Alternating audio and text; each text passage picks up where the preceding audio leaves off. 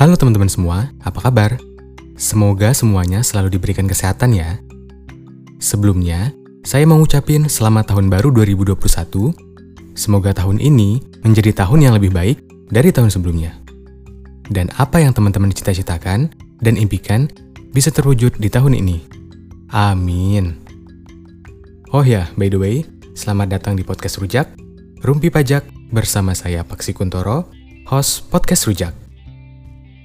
Di episode perdana di tahun ini, kita akan membahas mengenai kewajiban pengembalian NSFP atau nomor seri faktur pajak. Tapi sebelum memulai, ada baiknya teman-teman follow dulu podcast Rujak di Spotify agar teman-teman gak ketinggalan episode-episode terbaru dari podcast Rujak. Tanpa berlama-lama lagi, mari kita mulai.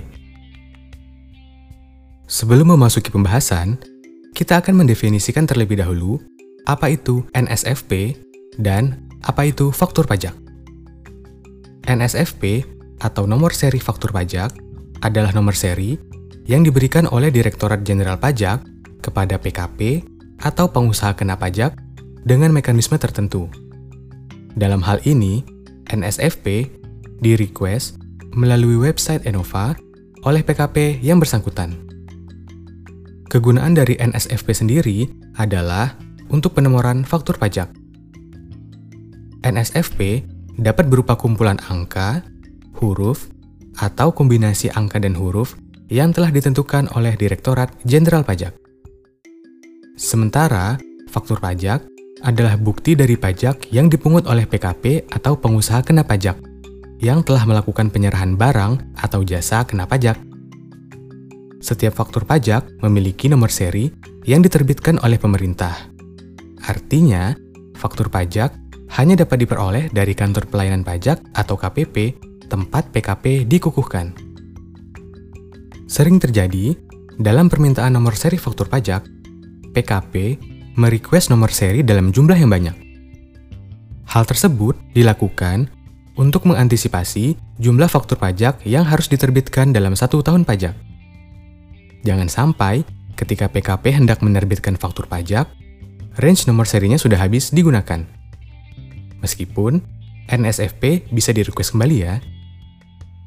Namun, apa yang harus dilakukan bila range nomor seri faktur pajak yang sudah di-request tidak habis terpakai atau masih ada sisanya? Nah, yang harus teman-teman lakukan adalah mengembalikan range nomor seri faktur pajak yang masih tersisa tersebut. Loh, kenapa mesti dikembalikan sih? Hmm, jadi gini teman-teman. Dalam perpajakan, ada dua jenis komoditas yang dikenakan PPN. Yang pertama, barang kena pajak, dan yang kedua, jasa kena pajak. Di setiap transaksi barang kena pajak atau jasa kena pajak yang dilakukan oleh PKP, wajib menerbitkan faktur pajak, di mana di dalamnya terdapat NSFP. NSFP sendiri berfungsi sebagai identitas bahwa transaksi yang dilakukan oleh PKP sudah diperhitungkan pajaknya. Dalam hal ini PPN. Penerapan penggunaan nomor seri pada faktur pajak didasari atas terjadinya kecurangan pada transaksi.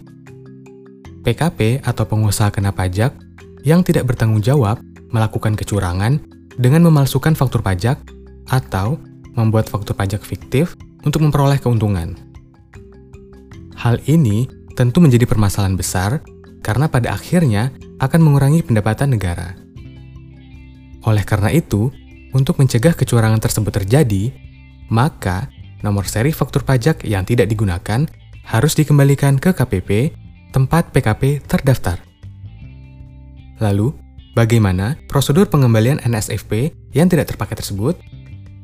Hmm, tenang-tenang berdasarkan Per 24 garing PJ garing 2012 pasal 10 ayat 2 disebutkan bahwa nomor seri faktur pajak yang tidak digunakan dalam suatu tahun pajak tertentu dilaporkan ke kantor pelayanan pajak tempat PKP dikukuhkan bersamaan dengan SPT masa PPN masa pajak Desember tahun pajak yang bersangkutan. Dengan menggunakan formulir sebagaimana diatur dalam lampiran 4F yang merupakan bagian tidak terpisahkan dari Peraturan Direktur Jenderal Pajak ini. Jadi, langkah-langkah yang harus teman-teman lakukan untuk mengembalikan NSFP yang tidak terpakai adalah Yang pertama, teman-teman harus mendownload formulir pengembalian NSFP sebagaimana diatur dalam lampiran 4F per 24 garing PJ garing 2012. Yang kedua, teman-teman harus mengisi formulir tersebut secara lengkap dan benar, serta jangan lupa untuk menandatanganinya. Yang ketiga, setelah mengisi formulir tersebut, teman-teman tinggal melaporkan langsung atau bisa juga dilaporkan bersama dengan laporan SPT PPN masa Desember.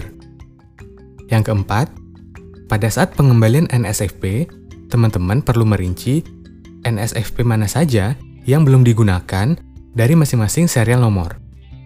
Hal ini dilakukan untuk mencegah penyalahgunaan NSFP dan mengawasi kerapian administrasi wajib pajak. Dan yang kelima, selain itu, teman-teman juga bisa meminta NSFP untuk tahun pajak selanjutnya sebelum pergantian tahun.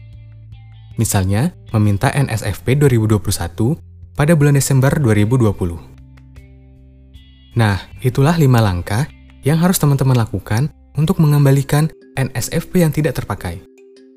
Setelah lima langkah tersebut selesai dikerjakan, apakah semuanya sudah selesai? Oh, tentu belum.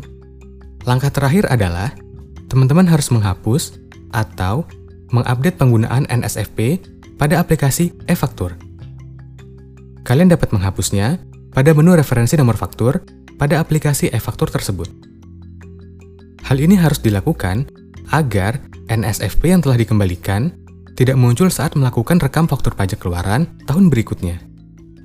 Nomor seri faktur pajak yang telah dikembalikan tidak dapat digunakan kembali oleh PKP. Karena itu, nomor tersebut harus dihapus, karena kalau tidak dihapus, akan menghasilkan keterangan reject pada saat PKP memaksa melakukan upload dengan nomor yang dimaksud.